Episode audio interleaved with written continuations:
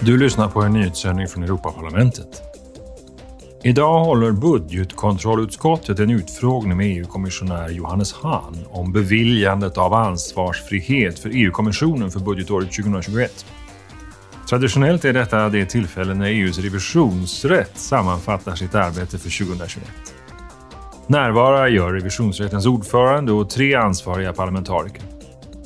Annat som ska diskuteras är den fleråriga budgetramen, både den som löper just nu och tidigare, och den postpandemiska så kallade faciliteten för återhämtning och resiliens.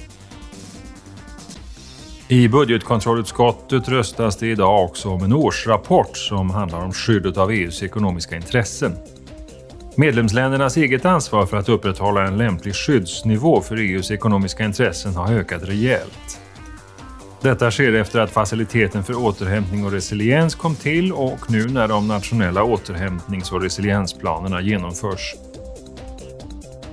Imorgon står det tjeckiska ordförandeskapet värd för avslutningen på Europeiska ungdomsåret 2022.